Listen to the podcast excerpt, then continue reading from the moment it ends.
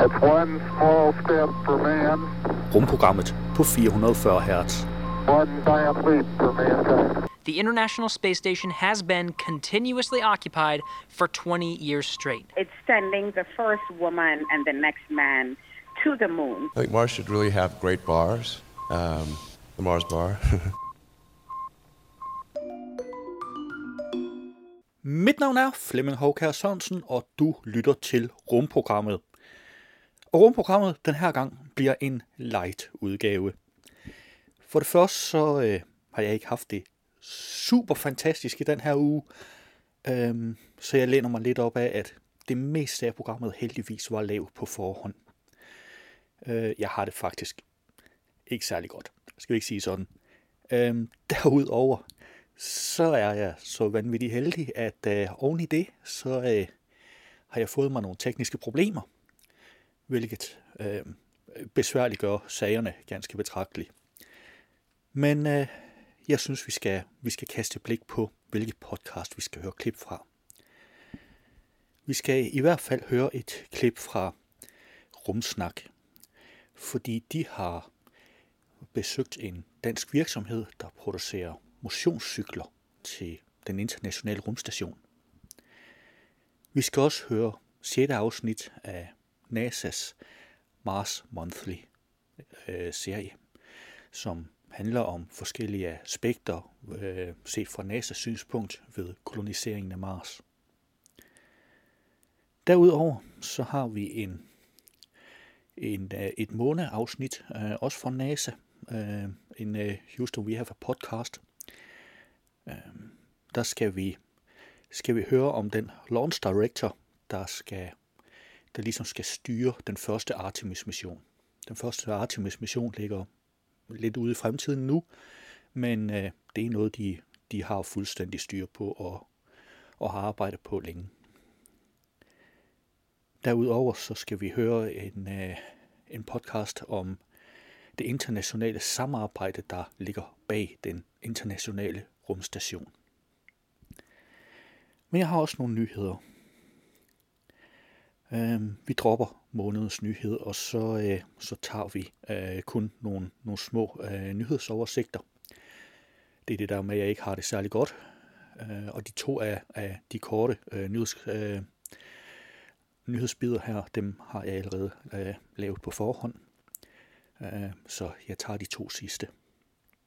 Men, men i hvert fald så skal vi høre om, at Kina de tager del i kampen om at finde tegn på liv på Mars.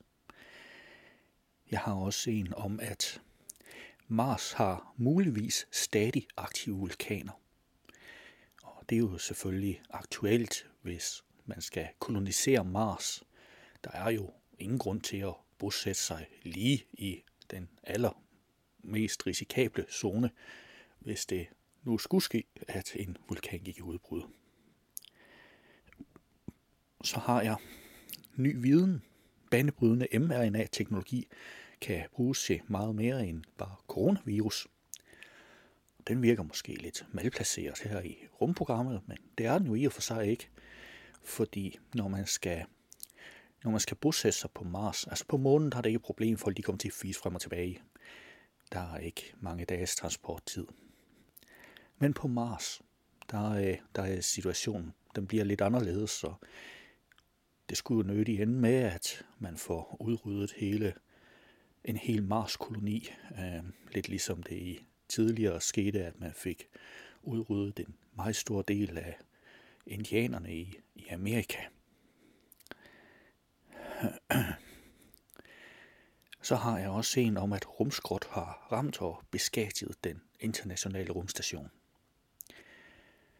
Og det bliver faktisk det for den her gang. Lad os se på nogle af månedens interessante rumpodcasts. I denne uge har vi også en ny udgave af Rumsnak. Velkommen til Rumsnak, hvor vi efter et par hardcore episoder, er der i hvert fald nogen, der synes, Anders, om øh, mørk stof, kometkemi og forskning fra den måske tunge ende af skalaen, så skal vi have fat på nogle meget mere hverdagsagtige rumemner den her gang. Ja, vi skal nemlig tale om motionscykler og om togtrækning, hvilket måske ikke lyder super rumagtigt Men det er så bare indtil man begynder at tænke på, at jo også astronauter har godt af motion, og faktisk har de endnu mere brug for motion, øh, for eksempel op på ISS, end vi har hernede, fordi vægtløsheden meget hurtigt gør, at muskler og knogler begynder at blive svagere.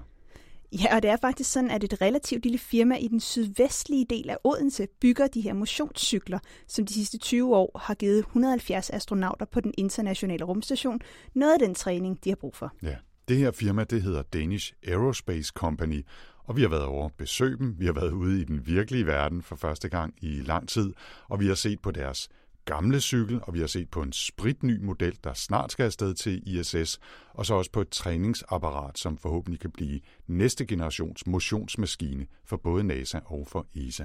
Vi skal dog også have et par aktuelle nyheder, og den her gang der handler det blandt andet om kosmisk stråling og Mars rover. Jeg hedder Tina Ibsen. Og jeg hedder Anders Høgh Nissen. Velkommen til. Det var et kort klip fra Rumsnak, og du kan naturligvis finde et link i show notes.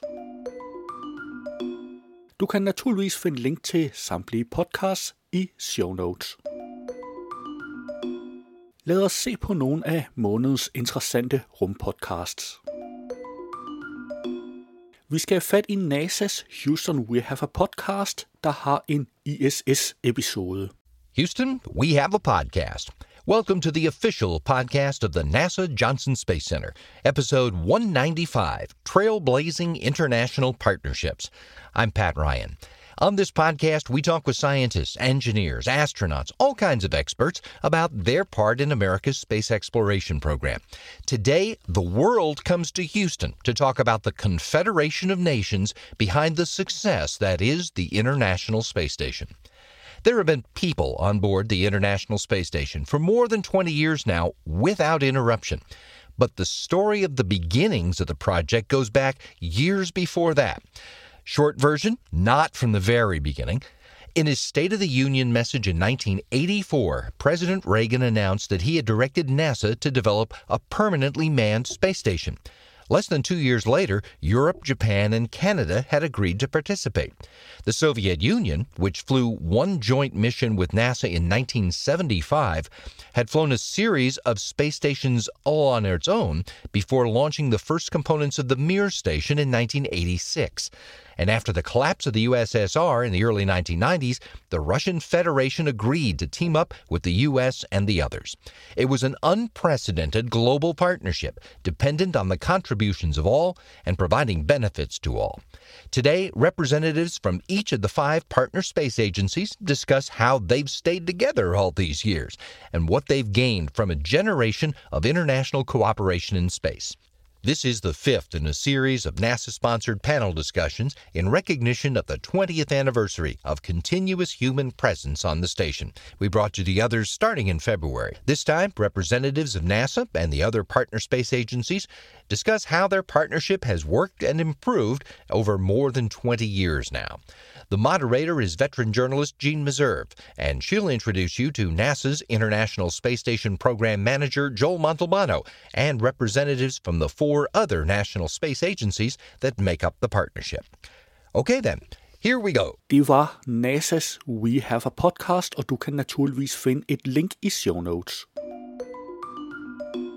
Vi skal høre en bid fra NASA's Houston We Have a Podcast, der har en måne-episode. Houston, we have a podcast. Welcome to the official podcast of the NASA Johnson Space Center, episode 194 Artemis Launch Director. I'm Pat Ryan. On this podcast, we talk with scientists, engineers, astronauts, and other folks about their part in America's space exploration program. Today, we're going to take another step in learning the details about the upcoming first flight of the Artemis program. NASA's Artemis program is focused on returning American astronauts to the moon through the use of the Space Launch System rocket, the Orion spacecraft, the Gateway Lunar Outpost, a new lunar lander, and the ground systems that support them all. Artemis is about going to the moon in a sustainable way. That is, to go to the moon to stay and learn how to support astronauts in that environment. In the process, getting ourselves ready to go on from there to Mars.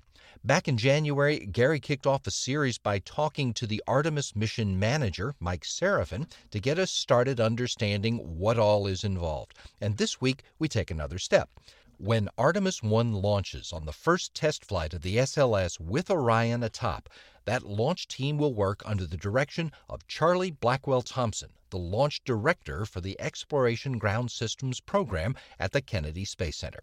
A veteran of more than 30 years in the business at KSC and NASA's first female launch director, Blackwell Thompson started her career with Boeing as a payload flight software engineer and worked as lead electrical engineer for multiple Hubble Space Telescope servicing missions before joining NASA as a test director in the Launch and Landing Division in 2004, working pre launch processing, tanking, and launch countdown operations. We'll talk about the cool jobs on her resume and what it's been like getting a new program up on its feet to return American astronauts to the moon, and the things that we should all be looking for when we watch that first Artemis launch. Artemis 1 launch director Charlie Blackwell Thompson. Here we go. Det var NASA's We Have a Podcast, og du kan naturligvis finde et link i show notes. NASA's Houston We Have a Podcast har en Mars Monthly, og den har jeg valgt, vi skal høre en bid af et afsnit fra. Houston, we have a podcast. Welcome to the official podcast of the NASA Johnson Space Center, episode 164 Eat Like a Martian. I'm Gary Jordan, and I'll be your host today. On this podcast, we bring in the experts, scientists, engineers, astronauts, all to let you know what's going on in the world of human spaceflight. Our Mars Monthly series continues. Last month, we chatted with Kjell Stromgren on what to pack inside of a Mars transport habitat on a human mission to Mars. Well, one of those critical items that you'll need to prepare for not only the trip to Mars, but something you'll need on Mars and back from Mars is food, and plenty of it. On this episode, we'll be focusing on how we're thinking about food for Mars, what kinds of food, how to preserve it, and even if they will farm it.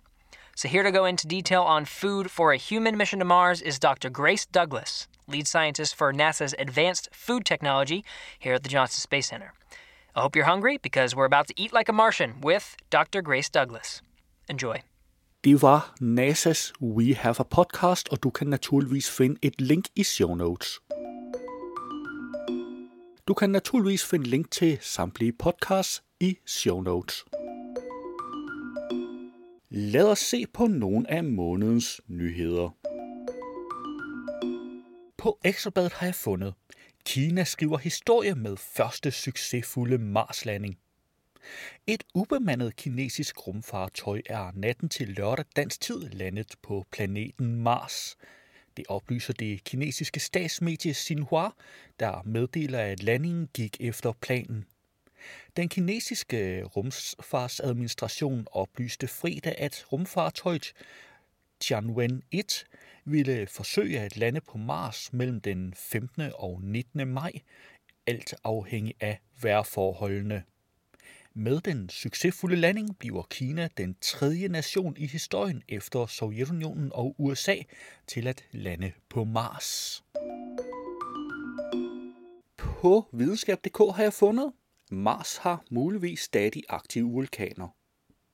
Udover de jævnlige støvstorme virker Mars som en stille planet, hvor der ikke foregår meget. Men ifølge et nyt studie har der indtil for nylig været vulkansk aktivitet på den røde planet, og det er sandsynligt, at der stadig er aktivitet. For 4 millioner år siden var Mars langt mere våd og varmere i klimaet, end det er i dag. Og her vil jeg gætte på, at det er en skrivefejl, og at det skulle have været for 4 milliarder år siden, men der står altså millioner i artiklen. Forskere mistænkte, at voldsom vulkansk aktivitet var med til at få Mars til at miste sin atmosfære og få vandet til at sænke sig under overfladen for omkring 3 milliarder år siden, men man ved ikke hvorfor. Tidligere troede forskerne også, at den vulkanske aktivitet fandt sted for mellem 3 og 4 milliarder år siden, med undtagelse af nogle udbrud for omkring 3 millioner år siden. Men nu kan ny data være med til at ændre denne opfattelse. Et fotografi af data fra et område på Mars får forskere til at vurdere, at der er opstået vulkansk aktivitet inden for de seneste 50.000 år, hvilket er kort tid set med astronomiske briller.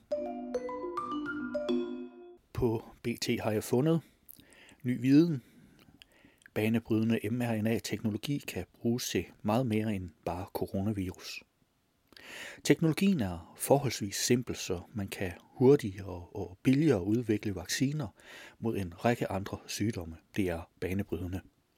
Sådan siger Ole F. Olesen, direktør for European Vaccine Initiative. Efter det nu står klart, at flere og flere forskere er begyndt at interessere sig for den såkaldte mRNA-teknologi, som flere coronavacciner bygger på. Mere konkret betyder det, at en række forskellige typer virussygdomme, enkelte autoimmune sygdomme og visse typer kræft i fremtiden kan blive behandlet med samme teknologi. På videnskab.dk har jeg fundet, rumskrot har ramt og beskadiget den internationale rumstation. Det livsfarlige potentiale ved rumskrot blev bekræftet tidligere i maj måned, da astronauter ombord på den internationale rumstation ISS opdagede, at et af instrumenterne uden på rumstationen var blevet beskadiget. Et lille stykke rumskrot, for småt til at kunne spores, havde ramt Canada Arm 2. En kanadisk udviklet robotarm, som bruges til at justere objekter uden for rumstationen, såsom de fartøjer, der bringer både astronauter og forsyninger. Du kan naturligvis finde link til alle nyhederne i show notes. Det var alt, hvad jeg havde i rumprogrammet for denne gang. Vi lyttes ved om en måned. Rumprogrammet er hjemhørende på 440 Hz. Du kan finde mere på 440hz.net.